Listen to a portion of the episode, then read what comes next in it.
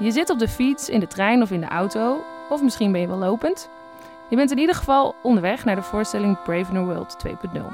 Of je hebt de voorstelling al gezien en je wilt nog iets langer stilstaan bij wat je hebt beleefd. Dat kan natuurlijk ook. Dit is de inleiding voor onderweg, de meest mobiele inleiding die we konden bedenken. Mijn naam is Lara Harbers en ik ben vaste inleider bij Night. Brave New World 2.0 is gemaakt door Night. Dat is een samenwerking van het Noord-Nederlands Toneel, Club Guy het Asco Schoenberg Ensemble en Slagwerk Den Haag. Dus toneel, dans en muziek. De cast van de voorstelling bestaat uit maar liefst 23 spelers. 7 acteurs, 10 dansers en 6 muzikanten. We zijn nu uh, Brave New World 2.0 aan het maken. Dus uh, geïnspireerd door het boek van uh, Huxley, maar niet precies hetzelfde verhaal. Rick van der Bos heeft de tekst geschreven en dat is eigenlijk een verhaal over een mogelijke toekomst. Brave New World 2.0 onderzoekt de toekomst van de mens. In deze inleiding voor onderweg laten we zien hoe we dat onderzoek zijn begonnen. De voorstelling gaat over de impact van kunstmatige intelligentie, oftewel artificial intelligence. Brave New World 2.0 onderzoekt de toekomst van de mens. In deze inleiding voor onderweg laten we zien hoe we dat onderzoek zijn begonnen. Centraal in de voorstelling staat de impact van kunstmatige intelligentie, oftewel artificial intelligence. Wat voor maatschappij kunnen we krijgen als kunstmatige intelligentie een steeds grotere rol krijgt in onze levens? Maakt het de wereld een betere plek omdat we allerlei problemen kunnen oplossen, zoals eenzaamheid, mensonterend werk en energieverbruik? Of profiteert maar een klein deel van de bevolking ervan? Zorgt het voor geraffineerde vormen van toezicht en uitsluiting en vergroot het daardoor de ongelijkheid in de wereld? Tast het iets wezenlijks aan in ons mens zijn? Of verschilt het niet zoveel van eerdere technologische ontwikkelingen, zoals de boekdrukkunst, de auto en het internet? Oftewel, wat doet AI met onze samenleving? En wat doen wij als samenleving met AI? Dat vragen wij eerst aan twee experts. Allebei Harbers, ze zijn familie, maar ze hebben allebei net een andere kijk op het onderwerp. De term komt uit de jaren 50, maar pas sinds korte tijd wordt het echt op grote schaal toegepast. Wij zijn altijd gerelateerd aan anderen en aan de wereld en aan dingen en aan technologieën. Of dat nou brillen zijn, of treinen, of artificial intelligence. Wat mij betreft is er dus ook niet zo'n breuk tussen het nu en dat wat straks gaat komen. Eh, kunstmatige intelligentie is niet iets wat zichzelf uh, ontwikkelt of wat een eigen plan heeft, dat, dat is er niet. Dus wij mensen zijn degene die kunstmatige intelligentie maken met elkaar. Dus ik denk dat mensen ook zeker de ontwikkeling en de toepassing daarvan kunnen beïnvloeden. Daarvoor moeten we nog iets beter begrijpen wat kunstmatige intelligentie allemaal kan en wat niet. Kunstmatige intelligentie is eigenlijk een verzameling van uh, technieken uh, waarmee uh, je computerprogramma's kunt maken die zelfstandig bepaalde taken kunnen uitvoeren. dus bijvoorbeeld het herkennen van een plaatje of geluid of tekst. Dat is een hele duidelijke afgebakende taak. En daar is kunstmatige intelligentie nu best wel goed in en vaak zelfs beter en sneller dan mensen.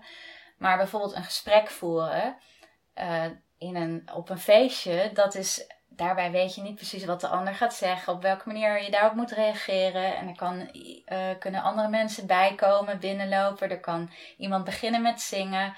Je weet, dat is veel moeilijker. Uh, dat is een veel onvoorspelbare taak, je sociaal gedragen op een feestje. En uh, dat kan kunstmatige intelligentie ook nog helemaal niet goed. Welke misverstanden bestaan er over kunstmatige intelligentie? Clichés zijn dat kunstmatige intelligentie uh, bewustzijn heeft. Er is nog geen kunstmatige intelligentie, echt gewoon nul bewustzijn. En ook dat intelligentie en bewustzijn hetzelfde zijn.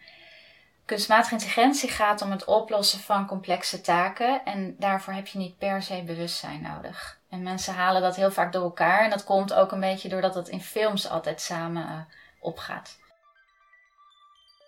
Hoe denk jij dat onze toekomst met AI eruit gaat zien? Ik denk dat niemand precies weet op welke manier kunstmatige intelligentie zich gaat ontwikkelen.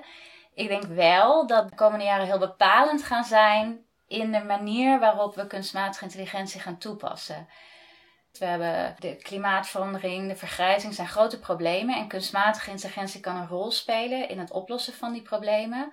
Maar aan de andere kant uh, zijn er op dit moment ook toepassingen met kunstmatige intelligentie waarbij mensen gediscrimineerd worden, waarbij um, informatie die niet juist is of haatzaaiende informatie, fake news, heel erg verspreid wordt. Uh, of waarbij um, mensen, ene mensen bevoordeeld worden ten opzichte van een andere groep. En dat kan ook zorgen voor meer ongelijkheid in de samenleving. En uh, um, dat het lastiger is om te weten wat nou juiste informatie is. En dat kan zelfs ten koste gaan van de democratie, die goed geïnformeerde burgers vereist. Weer even terug naar wat AI allemaal wel kan. De bouwstenen van kunstmatige intelligentie, of beter nog de werktuigen, zijn algoritmes. Wat is een algoritme precies? Een algoritme is een soort recept om tot een bepaalde uitkomst te komen. Dus een um, formule waarmee je iets kan berekenen is eigenlijk al een algoritme. algoritmes die kunnen leren, zelflerende algoritmes. Dus die kunnen eigenlijk zichzelf aanpassen. Die algoritmes passen we toe in ons dagelijks leven. Begrijpen we voldoende wat die algoritmes precies doen? Het lijkt mij heel erg als eigenlijk alles wat je kan doen als burger, al je vrijheden, bijvoorbeeld naar welke school je kan gaan, wat voor werk, of je een lening kan krijgen, een hypotheek, als dat allemaal wordt gebaseerd op bepaald van voorspellingen van algoritmes.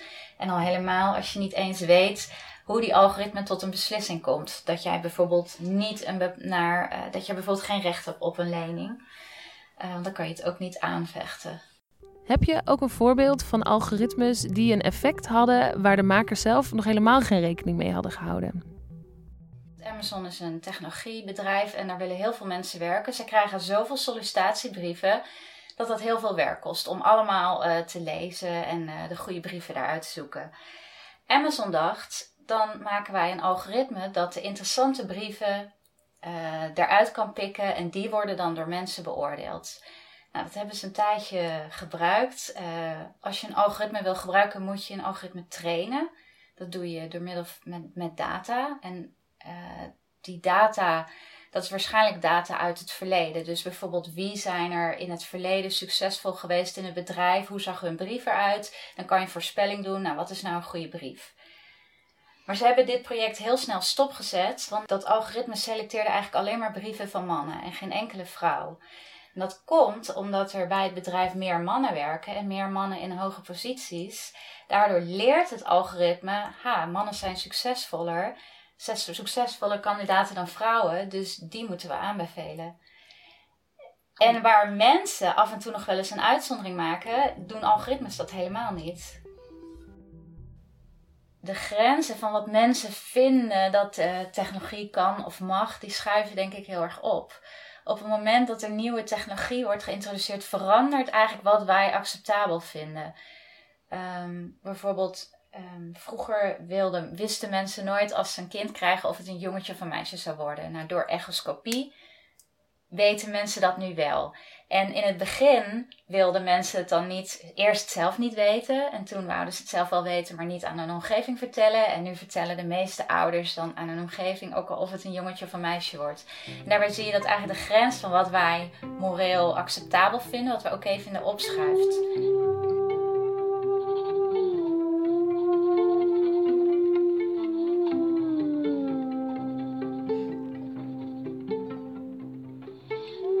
Mijn naam is Harold en uh, ik zit bij Club Caironi en ik speel Lucy in Brave New World. Voor wie dat niet weet, een android is een robot die zoveel mogelijk lijkt op een mens. Een cyborg is een versmelting van een mens of een ander organisme en mechanisch materiaal. Het klassieke voorbeeld is een soort half mens, half robot. Maar een mens met een bionische arm is bijvoorbeeld ook een cyborg.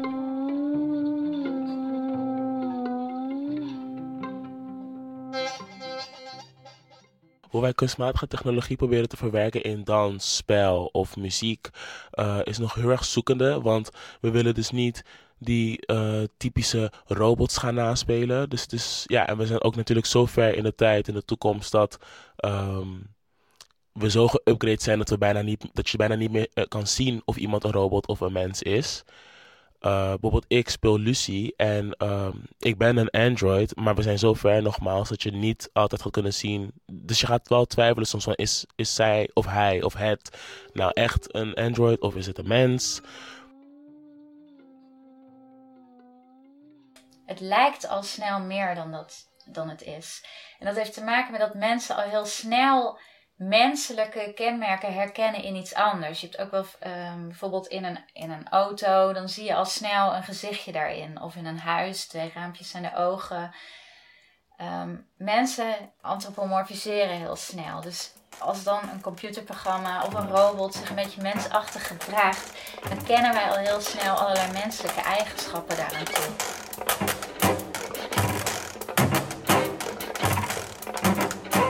Hallo, mijn naam is Niels Meliefste. Ik ben slagwerker van beroep. En ik speel bij Slagwerk Den Haag, uh, dus een slagwerkgroep. En wij, um, uh, ja, wij werken al een jaar of acht samen met Club Guy en Roni. En in deze voorstelling gaan we voor het eerst samenwerken met Chaos, het ensemble van Asko Schoenberg, en met het Noord-Nederlands toneel in een grote night en het gaat volgens mij over het verschil tussen de digitale wereld en zeg maar de echte wereld. En hoe ver die op een gegeven moment uit elkaar kunnen komen te liggen. En hoe echt is de digitale wereld en hoe ver durven we daarin te gaan. Er zitten ook een hoop gekke instrumenten in, zoals wasborden en um, uh, mondharpen en lepels. Uh, eigenlijk zijn dat zeer gebruikelijke instrumenten in de folkmuziek, in de Amerikaanse folkmuziek. Um, en wat we nu doen is we nemen eigenlijk, net als dat we, zo is het uh, ensemble eigenlijk gekaast. We hebben een banjo spelen, we hebben een fiddle.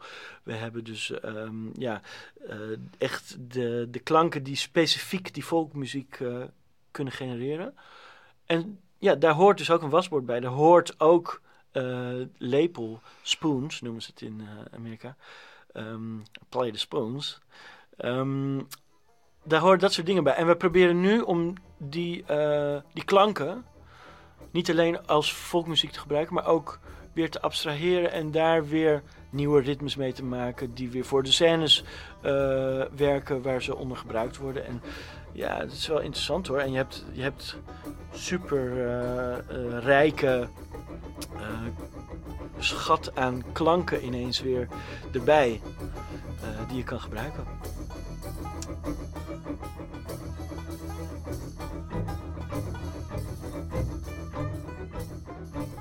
Mijn naam is Hans Harbers en ik ben docent aan de faculteit Wijsbegeerte hier in Groningen. En mijn specialisatie is wetenschap, technologie en samenleving.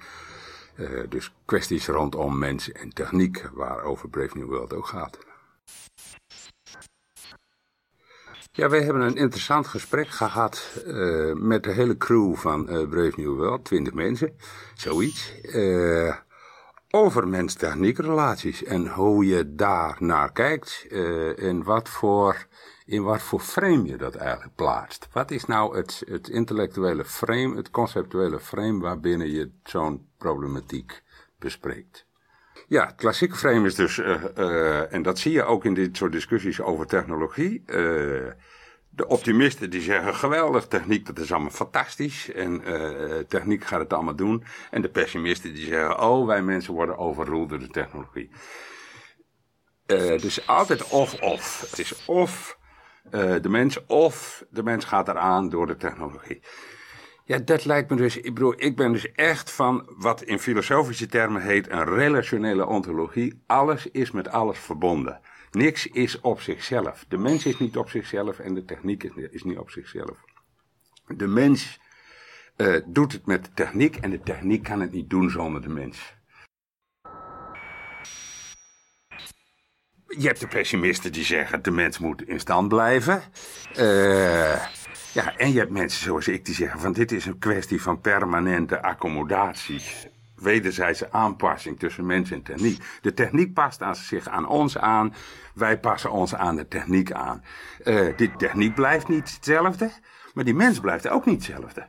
Die mens die denkt nu heel anders dan 100 jaar geleden. Die mens is niet dezelfde mens. Maar dat is ook een totaal veranderde mens.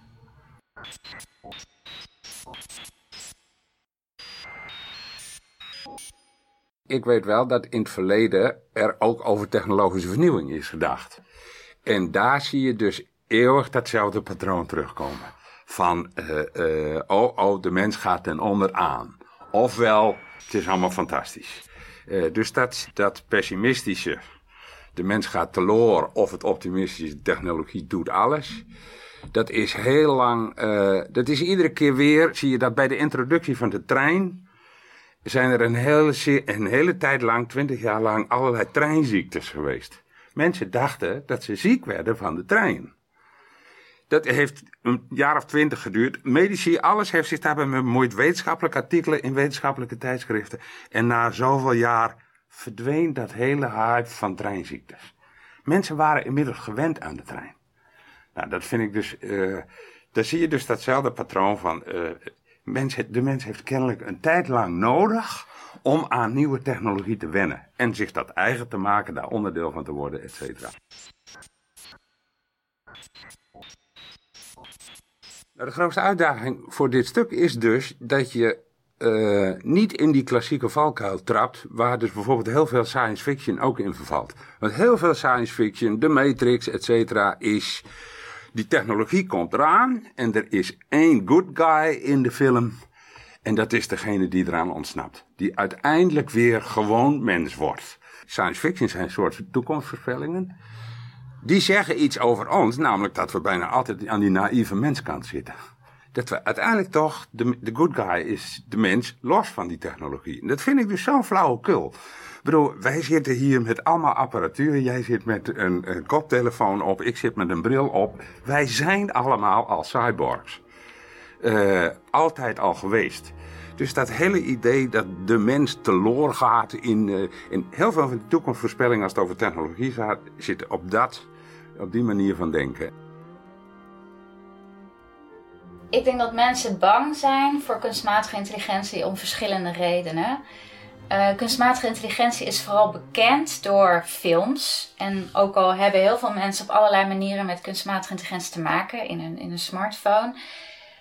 Um, toch is dat beeld van uh, kunstmatige intelligentie in films volgens mij nog steeds heel dominant. En daarbij gaat het vaak om ofwel een robot of een, een computerprogramma dat steeds meer leert, steeds machtiger wordt en uh, uiteindelijk de wereld wil uh, overheersen of alle mensen uit wil roeien. Dat is iets uh, waar we niet bang voor hoeven zijn. ik denk zelf dat de, de, um, de gevolgen van kunstmatige intelligentie voor ongelijkheid in, samenleving, in de samenleving iets is waar we ons veel meer zorgen over zouden moeten maken. Wij zijn altijd uh, relationele objecten geweest. Uh, gebonden aan anderen. Uh, en dan, als je dat erkent en dat, dat die relaties steeds veranderen, hoef je ook niet bang te zijn voor die veranderingen. Maar er zijn wel terechte zorgen. inderdaad, in termen van hoe, wie profiteert ervan en wie profiteert er niet van. Dat is precies de centrale vraag in de voorstelling Brave New World 2.0. Acteur Bram van der Heijden legt uit hoe de acteurs, dansers en muzikanten dat verhaal vertellen. We kijken naar veel verschillende verhalen eigenlijk. Het is een soort uh, vertelling waarin allerlei personages zich proberen te verhouden tot uh, de nieuwe technologie. Dus, en die lopen allemaal een beetje een andere route. Maar het vertrekpunt is een bedrijf in de white zone tegenover de wereld in de red zone. En vanuit daaruit uh, hebben een aantal personages een, uh, een lijn die ze, of een, ja, een verhaal wat ze afleggen. Met allerlei verschillende eindes. Ik ben Bram van der Heijden. Ik speel Troy van der Veld, CEO bij Humanite in Brave New World 2.0. En ik ben vast ensemble lid bij Night. Uh, Troy is een uh, klassieke wereldverbeteraar, maar wel met een naïef randje. Hij, komt, hij is een beetje white privileged. Dus um, Hij denkt dat hij de problemen in de red zone, wat zou kunnen staan voor alle landen in de wereld die hulp behoeven, dat hij die, um, dat hij daar voor vrede kan zorgen, daar dingen beter kan maken. In de white zone gaat het over functioneel zijn, dus om jouw plek binnen het geheel zo goed mogelijk te vervullen. Mocht dat niet meer, mocht je niet meer nodig zijn, dan word je nutteloos verklaard en dan verhuis je naar de red zone. Dus dat zegt al heel veel over wat de red zone is. Daar, daar leven de mensen nog volgens het oude systeem, de democratie. Um, maar dat is, dat is wat ze daar nog hebben. En je zou dus ergens kunnen zeggen dat de red zone een beetje de wereld van nu is. Maar de wereld van nu is daar dus een soort derde wereldland geworden. De white zone wordt gecontroleerd door het systeem. En het systeem is iets wat mensen in elkaar hebben gezet wat bestaat uit allerlei algoritmes om de wereld beter te laten functioneren. Die bepaalt ook of je nou nutteloos wordt verklaard of niet. Ja. En de red zone heeft dat systeem niet. Eh, dat systeem maakt niet per se alles beter. Op het moment dat iets boven jou bepaalt wat goed voor je is, is dat ook heel gevaarlijk natuurlijk. Daar zitten heel veel haken en ogen aan. Je wordt gecontroleerd. Je je moet het dus doen volgens dat systeem. Je bent niet meer vrij. In de red zone ben je wel vrij. Ik maak me het meest zorgen over de, dat kunstmatige intelligentie meer ongelijkheid kan veroorzaken. Uh, doordat algoritmes um, bepaalde groepen mensen bevooroordelen en anderen juist bena benadelen. En algoritmes worden dan gebruikt om voorspellingen te maken. Maar als mensen al rekening houden met die voorspellingen, dan wordt die voorspellingen haast een soort waarheid, waardoor het voor mensen in een minder gunstige groep haast onmogelijk wordt om daaruit te komen.